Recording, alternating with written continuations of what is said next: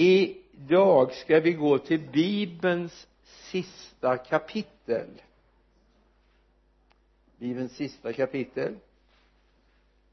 Och faktiskt de sista versarna där du också kommer konstatera att bibeln slutar inte med amen utan alla. Vi går till vers 17 och an, vers, eh, kapitel 22 vers 17 alltså. Om du inte om du bara skriver så kanske du inte vet vilket som var sista kapitlet. Och anden och bruden säger kom. Och den som hör det säger kom. Och den som törstar ska komma och den som vill ska fritt få ta emot livets vatten. För alla som hör, hör profetians ord i denna bok betygar jag. Om någon lägger något till dessa ord ska Gud lägga på honom de plågor som beskrivs i denna bok. Och om någon tar bort något från orden i denna profetians bok ska Gud ta ifrån honom hans del i livets träd och i den heliga staden som beskrivs i denna bok han som betygar detta säger ja jag kommer snart.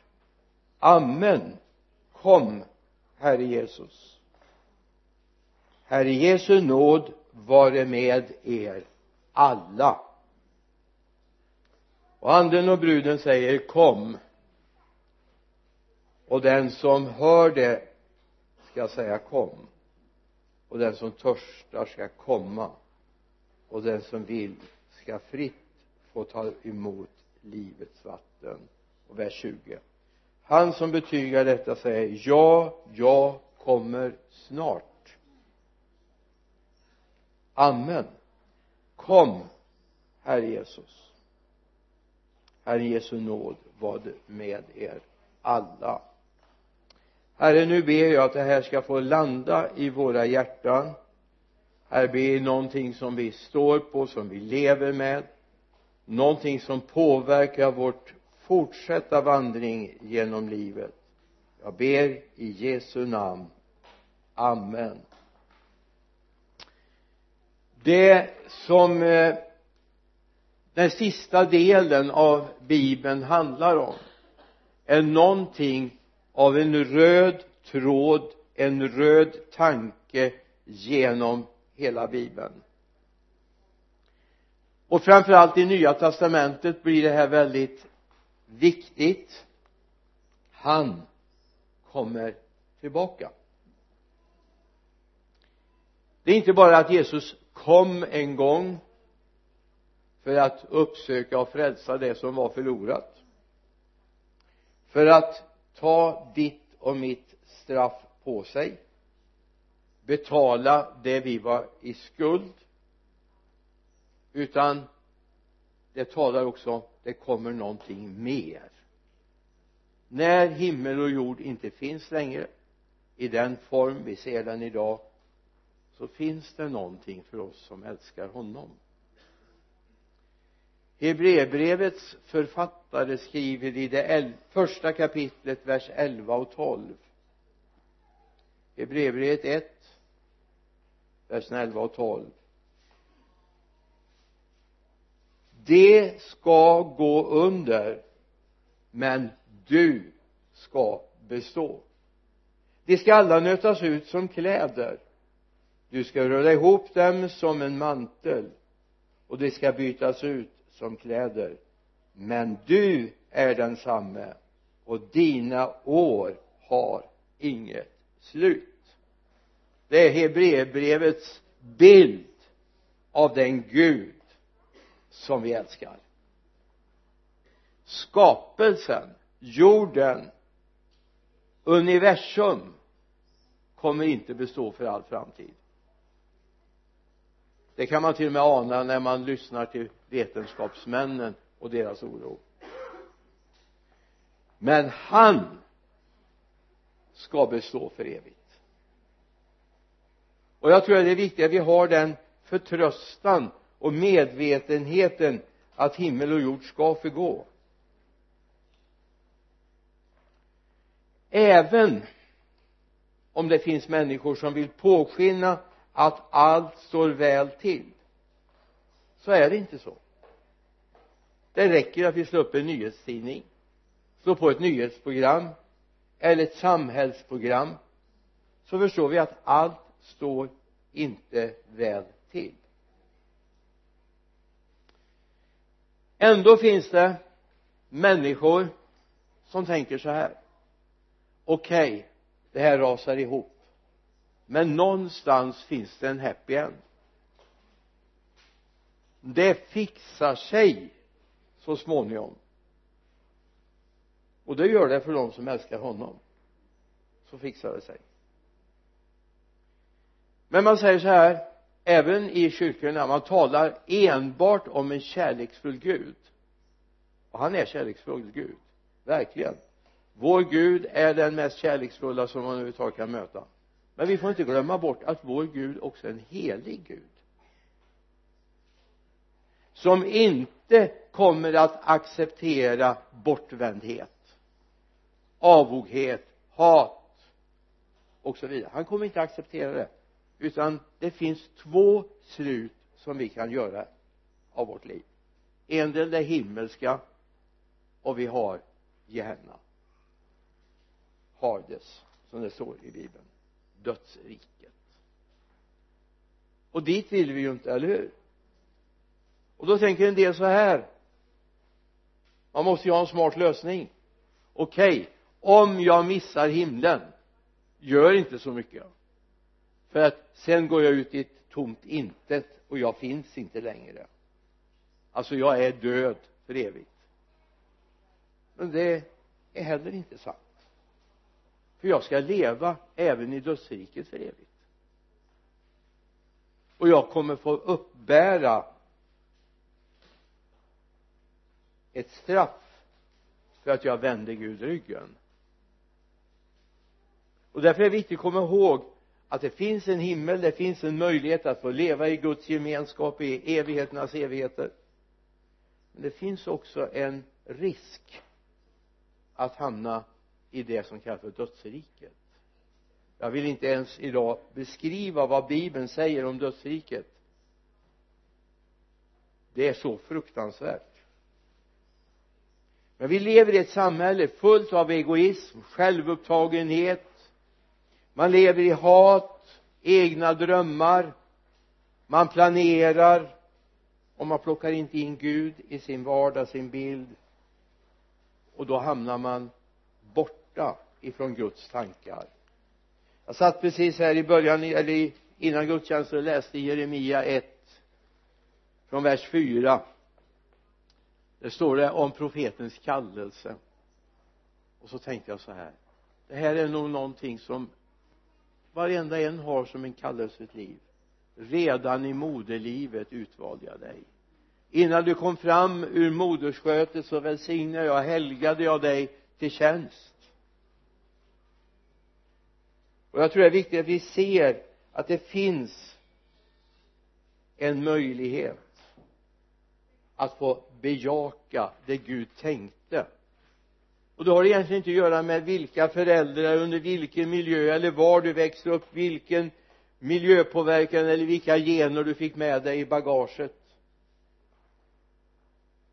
Gud har en plan för dig. Och Gud vill någonting med ditt liv.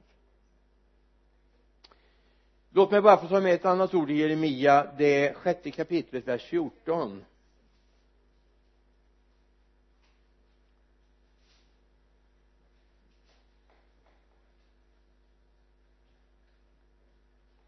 det tar det lätt med att bota mitt folks skada och säger allt är väl allt är väl.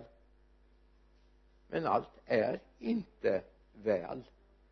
Det är Guds dom över folket. Guds dom är att allt är inte väl. Gud ser sanningen. Gud ser hur vi har det. De här sista 50 åren, jag menar nu börjar jag ha lite perspektiv på livet va? Det kunde jag inte för 50 år sedan säga. För 50 år sedan under de sista 50 åren har det här hänt. Nu är det min del eller den del jag har upplevt. Från jag var 20 år framåt så har det gått 50 år nu då. Så kan jag bara konstatera att egoismen har tilltagit självupptagenheten har tilltagit. Samhället har blivit väldigt kallt väldigt kärlekslöst väldigt självcentrerat. Idag kan man faktiskt se den fattige, den lidande och tänka att ja men jag har det bra. Och inte bry sig. För har du en fattig som din granne så har du det inte bra. I Guds perspektiv vi har kommit in i en tid då mammon är kung i vår värld. Jag hoppas inte han är kung i ditt liv. Så att du tänker så här mina pengar är mina pengar för det är inte sant. Dina pengar är inte dina pengar det är Guds pengar. Du är bara satt som en förvaltare. Och Gud är intresserad av hur du förvaltar och du säger så här men jag tjänar så lite. Jag tackar för det så länge du ser det som dina pengar. Då tjänar du lite. Den här världen alltså jag har också under de här åren sett det här även i kyrkliga sammanhang. Jag har berättat förut jag kan berätta igen. Jag växte upp i en församling här i Västergötland. Det var en församling med nog rätt så människor i medelålder eller medelklass i inkomster de jobbade på bruket de flesta hemma. Eh, det fanns inte många chefer och, och så här i våran församling utan det var de här vanliga människorna knegarna som jobbade där eller som fanns i församlingen. Så kom man på den jag menar man har inte råd att ha sommarstuga man har inte råd att ha båt man har inte råd att göra resor. Så vi försöker skrapa ihop och så alldeles efter andra världskriget så köper man eller hyr in, arrenderar ett större område utöver Vänerkanten. En liten halvö som stack ut i Vänern. Och där bygger man en mycket primitiv sommargård från början. Eh, när man hade större grejer där så fick man ha ett stort mötesfält för att ha samlingarna i och för övrigt sov man i tält. Och så hade man byggt ett kök.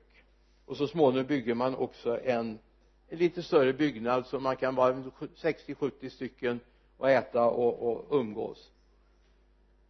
Under min barndom så efter förmiddagsgudstjänsten vi hade inte kyrklunch i kyrkan för det var, det var inte möjligt med det kök som fanns där. Så vi tog våra matsäckar och så åkte vi dit ut och umgicks. Och det var många familjer. Och vi grabbar vi tyckte det här var ju kanon.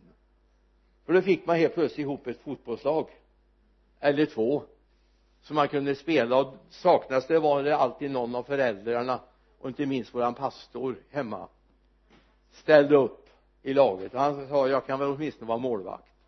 Och så åt vi, vi lovsjöng, vi bad tillsammans, det lästes Guds ord. Vi umgicks hela söndag eftermiddagarna där ute. Vi hade med oss var och en sin matsäck.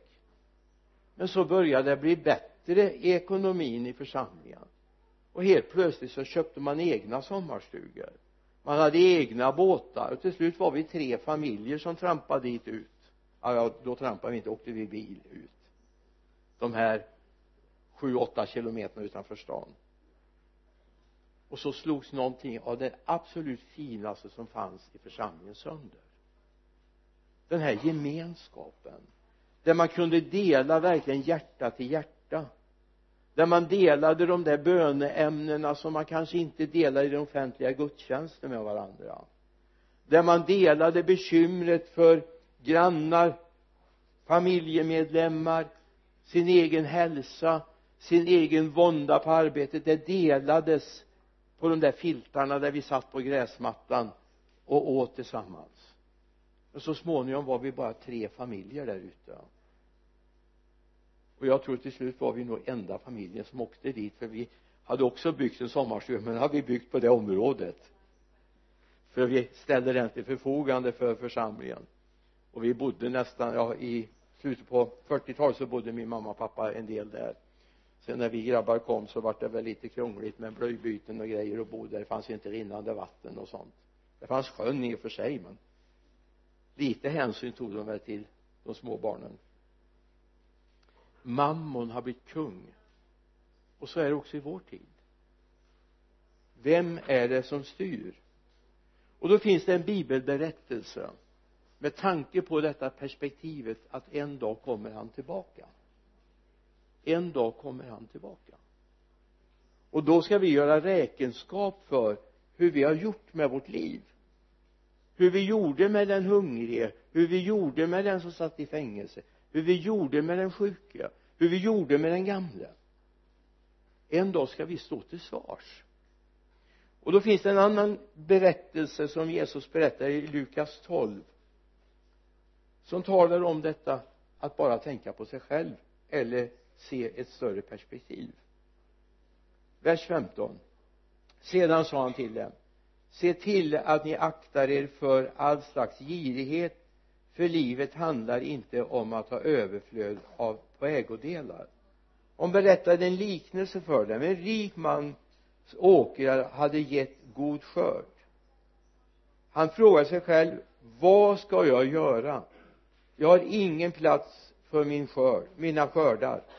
Så här ska jag göra tänkte han. Jag river mina lador och bygger större. Och där samlar jag all min säd och allt mitt goda så långt var det inga problem. Sen kommer problemet. Sedan ska jag säga till mig själv kära själ du har samlat mycket gott för många år. Ta det nu lugnt. Ät och drick och var glad. Men Gud sa till honom din dåre i natt ska din själ avkrävas dig. Vem ska då få det du har samlat?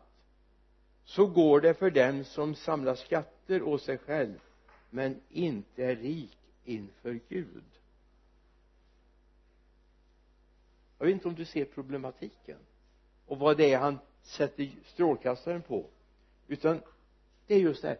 Sedan ska han säga ska jag säga till mig själv kära själ du har samlat mycket gott för många år.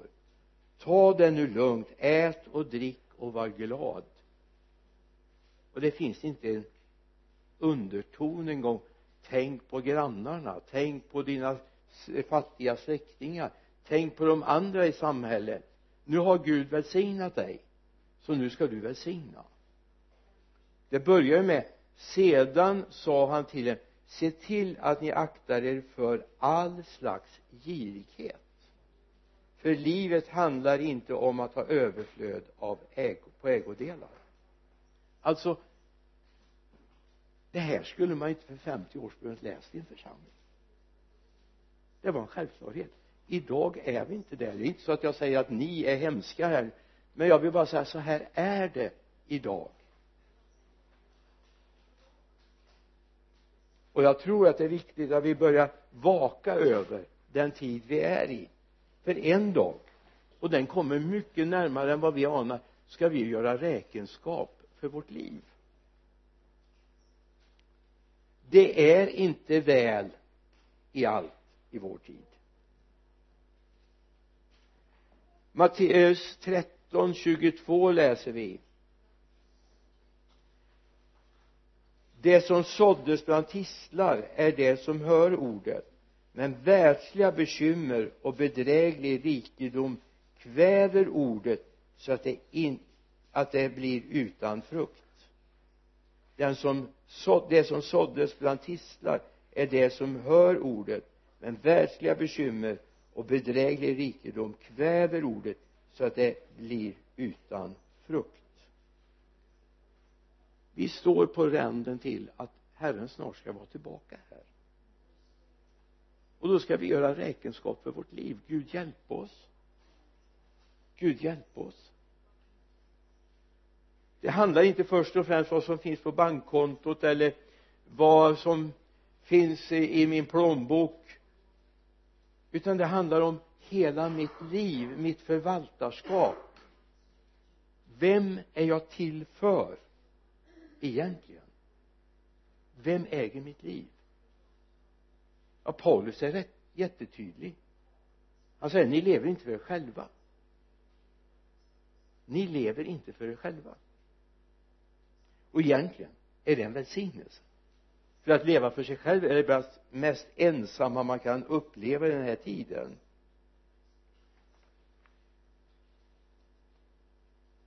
Visst är det så här. Det finns två sätt vi kan möta honom en dag. Enligt Matteus 25 vi kan börja på det mer destruktiva då och det här vill vi inte höra en dag när han kommer, eller hur? Vers 41 till 43 sedan ska han säga till dem som står på den vänstra sidan gå bort från mig ni förbannade till den eviga elden som är beredd åt djävulen och hans änglar. För jag var hungrig. Och ni gav mig inte att äta. Jag var törstig. Och ni gav mig inte att dricka. Jag var främling och ni tog inte emot mig. Naken. Och ni klädde mig inte sjuk och i fängelse. Och ni besökte mig inte. Och så frågar de ju naturligtvis herre när såg vi dig vara i den här belägenheten? Och han säger vad ni gjort mot en av mina allra minsta har ni gjort mot mig? Det här vill vi ju inte höra. Alltså den här dagen kommer snart. Och då är det frågan om hur du har det i din relation med honom. För visst är det mycket trevligare att få höra det som står i vers 34 alltså före vers Matteus 25 då ska kungen säga till den som står på hans högra sida kom ni min faders välsignade och ta emot det rike som stått berett för er sedan världens skapelse. Visst är det det vi vill höra. Visst är det det vi vill höra. Det som Gud har i beredskap för oss. Kom ni min faders välsignelse emot det rike som är berett från världens begynnelse. Visst är det det som du vill höra eller hur? Visst är det det du vill höra. För jag var hungrig och ni kom med mat. Jag var törstig och ni gav mig att dricka jag var sjuk och ni besökte mig. Jag var i fängelse och ni kom till mig. Och även de ska fråga herre när såg vi dig hungrig, törstig eller sjuk eller i fängelse? Då ska jag säga det har ni gjort mot en av mina allra minsta det har ni gjort mot mig. Alltså det som brinner i mitt hjärta just nu det är att en dag och den kommer snart då är Jesus här och då ska vi stå där. Då är det inte tid att börja fixa till det yttre och säga herre du vet jag har kämpat för dig verkligen. Till och med ordet säger att de kommer och talar om att de har gjort under och tecken under hans namn. Och han säger jag känner det inte. Gå bort ifrån mig. Frågan är vad är det jag gör av hjärtat? Vad är det jag gör av hjärtat? Vad är det naturliga sättet för mig att leva? Jag, jag menar jag har varit scout en gång i tiden. Jag har varit scoutledare och till och med scoutchef i eh, för flera patruller i, hemma i stan. Och där lärde man ju människor att göra gott och så vidare va. Man lärde att eh, alltid en scout ska alltid vara beredd och så vidare. Men vi är inga scouter. Eller hur? Men vi är förvandlade människor. Som gör det därför att vi har blivit förvandlade av honom. Han som har kraften att göra under och tecken i våra liv. Jesus kommer snart. Snart är han här. Men då ska vi komma ihåg att bibeln säger i en stund när vi inte väntar det ska han komma och det är viktigt att vi har klart för oss att det kommer ett tillfälle där vi inte har gjort allt i ordning utan han kommer. I Matteus 24 så står det i vers 37 och några versar framöver. Så som det var under Noas dagar så ska det vara när människosonen kommer. Under dagarna före floden åt de och drack de gifte sig och blev bortgifta ända till den dag då Noa gick in i arken. Och de visste ingenting förrän floden kom och ryckte bort dem alla. Så ska det bli när människosonen kommer. Då ska två män vara ute på åkern. Den ene ska tas med den andra lämnas kvar. Två kvinnor ska mala vid kvarnen. Den ene ska tas med den andra lämnas kvar. Var därför vakna så för ni vet inte vilken dag er herre kommer. Men det förstår ni att om husägaren visste när på natten tjuven kommer då hade han hållit sig vaken och inte låtit någon bryta sig in i huset. Var därför beredda också också ni för i en stund när ni inte väntar det kommer människosonen i en stund när ni inte väntar det jag hade min egen teologiska lösning på det här när jag var barn. Så jag vaknar varje dag och så säger jag, jag jag tror du kommer idag Jesus. Jag tror att du kommer nu. För jag hade läst det här i en stund när ni inte väntar så tänkte jag så här nu talar jag om för honom att jag väntar att han ska komma då kommer han inte. Så får jag några år till. Det var ingen bra lösning faktiskt det var rätt dumt. Men barn får vara barnsligt dumma ibland. I en stund när ni inte väntar det då kommer jag. Då är det väldigt viktigt att vi kommer ihåg att Gud fader som styr över det här han har ingen klocka. Han har ingen kalender det är inte så att det är inprickat i kalendern att det och det årtalet den och den månaden kommer han. Det finns andra kriterier som kommer bestämma när han kommer.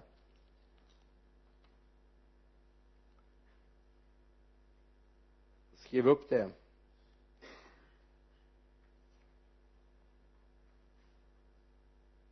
Just det vi går till 24 kapitlet Matteus igen vers 13 till 14 men den som håller ut till slutet ska bli frälst. Och detta evangelium om riket ska predikas i hela världen till ett vittnesbörd för alla folk. Sedan ska slutet komma. Ett annat ord är romarbrevet 11 och 25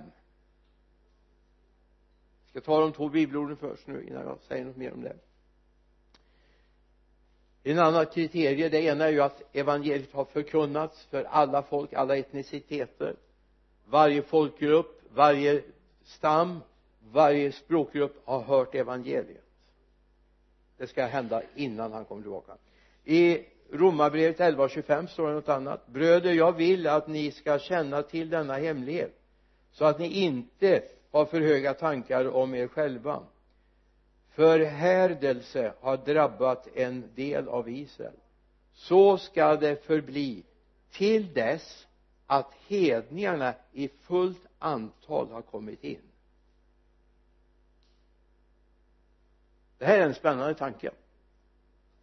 Om vi tänker oss en loge där man samlar kärvarna eller säden så har man en viss storlek och en dag kommer den sista kärven in. Vi vet inte hur många, vi vet inte hur mycket det ryms. Hur många miljarder människor det går plats i Guds himmel vet ingenting. Men vi vet en dag har det blivit fulltaligt. Då ska Israel också omvända sig så, på en, så som på en dag. Så det finns de två kriterierna. Evangeliet ska förkunnas för alla folk och för det andra logen ska vara full. Och då är det med oss hedningar det handlar om. Sen ska Israel omvända sig som på en dag när täckelset tas bort. Lyssna. Idag lever vi i en värld. Alla som håller på med sån här kyrktillväxt och räknar på hur många som blir frälsta säger att det aldrig i världshistorien har blivit så många frälsta per dygn som det blir idag. Och det antalet ökar. Språkgrupper som förut inte haft bibeln på sitt eget språk de får det just nu. Nu är det inte bara Wycliffe som håller på och översätter biblar eller folk och språk som det heter här i Sverige. Utan det finns ett antal andra grupper som också håller på och översätter biblar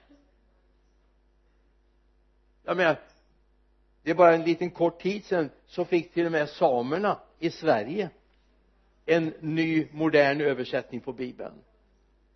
Och det är ingen stor folkgrupp. Och så här jobbar man nu. Varje folkgrupp ska få evangeliet. Ute i Polynesien i det vi kallar för Oceanien och så vidare där sprids bibeln på ett sätt som aldrig förr. Det är det ena. Det andra den kristna radion och tvn sprider ut evangeliet på ett sätt som vi aldrig har sett förut. Men om vi bara tar det, de Sverigebaserade kanalerna vi har kristna kanalerna vi har kanal 10 och vi har TV Vision Sverige som är en avläggare av TV Vision Norge. Men de har ett helt annat upplägg. På förmiddagarna kan du lyssna på svenska program och kanske vid något tillfälle på eftermiddagen på eftermiddagen är det i stort sett program på farsi på arabiska tamir och så vidare för att nå ut. Det här är jättespännande. Jag, jag blir går in, jag fattar ingenting. Men jag blir så välsignad. Jag tittar på eh, TV Vision Sverige. Varför då? Jo därför de har förstått det här att alla ska få höra evangeliet. Det är inte någon exklusiv klubb i västvärlden som ska höra evangeliet. Niger ett land i Afrika har de största församlingarna i världen just nu. Man räknar Afrika som den mest kristna kontinenten. Sen finns det mycket man önskar därutöver med Boko Haram och allt det här va? Al-Qaida-grupperna och sådär som finns i Afrika.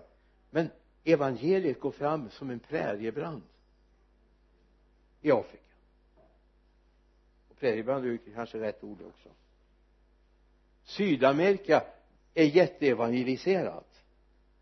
Och eh, för bara 10, 15, 20 år sedan så fanns det en väldig sammanblandning mellan pingstgrupper och spiritistiska grupper i Brasilien.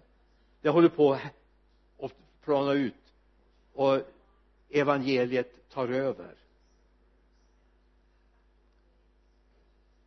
Så ikväll när folk skruvar på var det är kväll då det kan ju vara när vi sitter här så är det kväll någonstans.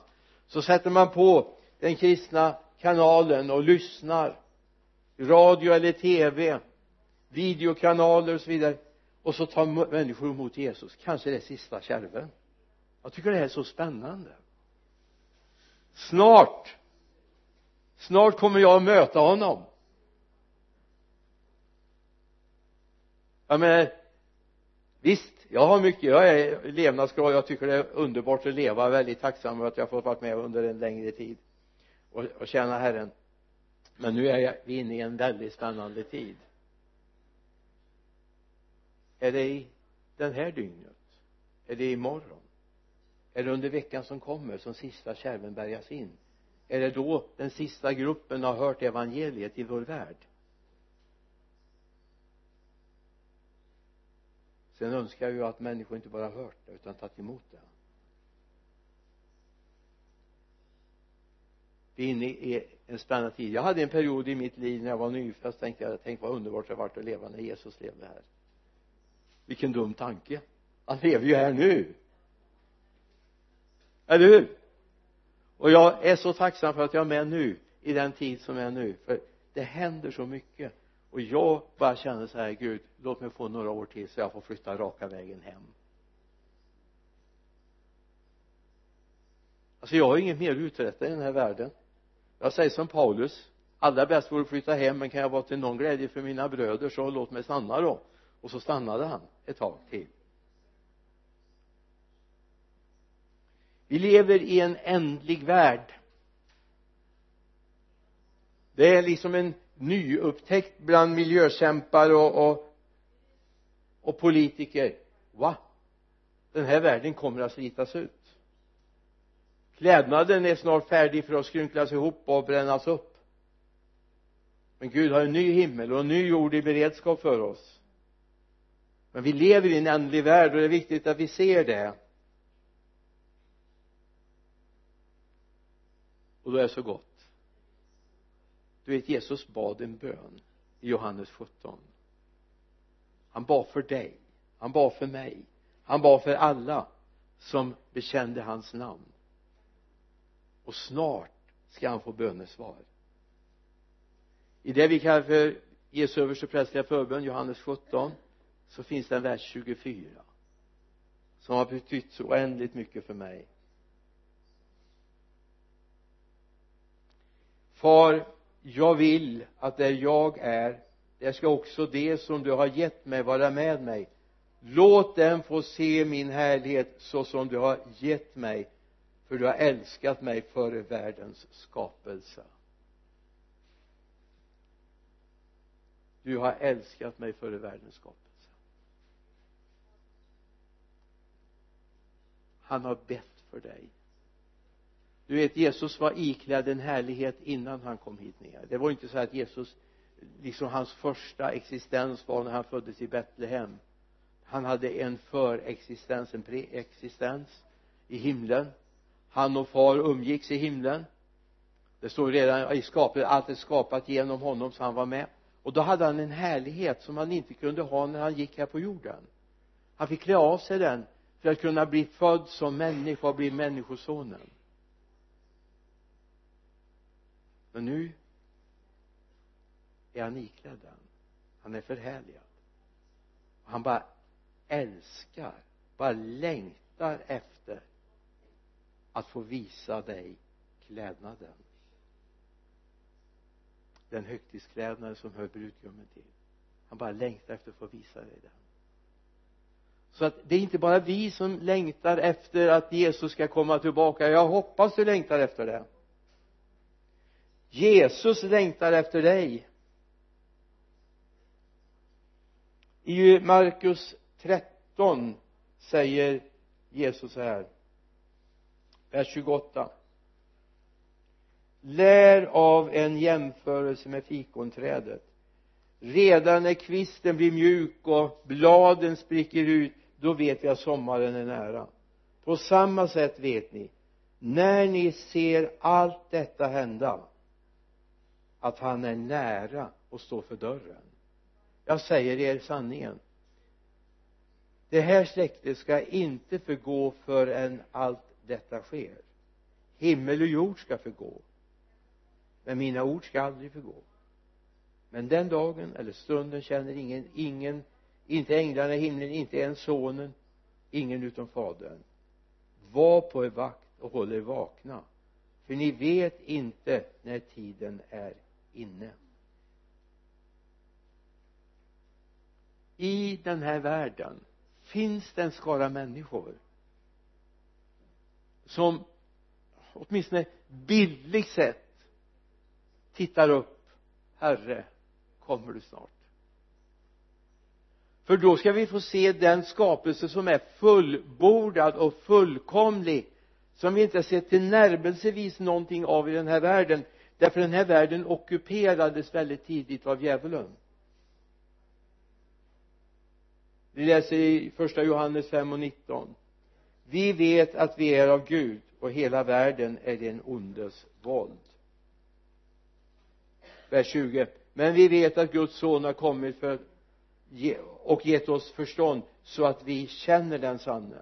Och vi är den i den sanne i hans son Jesus Kristus han är den sanne guden och det eviga livet. Vi vet att den här världen är i den ondes våld. Så varför kämpa och hålla kvar det när Gud har någonting fullkomligt för oss? Det enda bekymret vi kan ha det som kan plåga oss det är att vi vet alla våra vänner får inte följa med. Eller ska jag vända och säga vill inte följa med? De vill inte med så då har vi ett, ett uppdrag vi har en uppgift. Det är att förklara för människor vem Jesus är. Och att han älskar dem. Och vi kan få göra det både med våra ord och med våra liv. Förklara Jesus är en verklighet. Och han väntar på dig. Han vill att du ska ta emot honom. Han vill att du ska få liv han vill inte din eviga död. Han vill ingen syndares död säger Guds ord. I den här tiden och slutet och nu ska jag avisera nästa söndags predikan. För den behöver vi. Det blir en följetong. Och då ska vi utgå från Efesierbrevets sjätte kapitel verserna 11 till 13 kanske några mer versar runt omkring då står det ta på er hela Guds vapenrustning så att ni kan stå emot djävulens listiga angrepp. Vi kämpar inte mot kött och blod utan mot förstar, mot makter, mot världshärskare här i mörkret och mot ondskans andemakter i himlarymderna ta därför på hela Guds vapenrustning så att ni kan stå emot på den onda dagen och stå upprätta när ni är fullgjort allt. Och sen kommer uppräkningen om vad den här vapenrustningen innehåller. Och den ska vi titta på nästa söndag. Hur ska jag vara klädd i den här tiden? Hur ska jag vara klädd? För det kommer att dra ihop. Det kommer bli tuffare. Ja men vi har levt i ett väldigt väldigt förskonad del av världen våra trossyskon i Syrien. Våra trossyskon i Irak. Våra trossyskon i Afghanistan. Våra trossyskon i Iran. Har ingen enkel resa. Våra trossyskon borta i Ryssland börjar få det väldigt tufft nu. I Sverige har vi det väldigt bra. Och det borde vi tacka Gud för. Men det kommer att förändras i den här världen.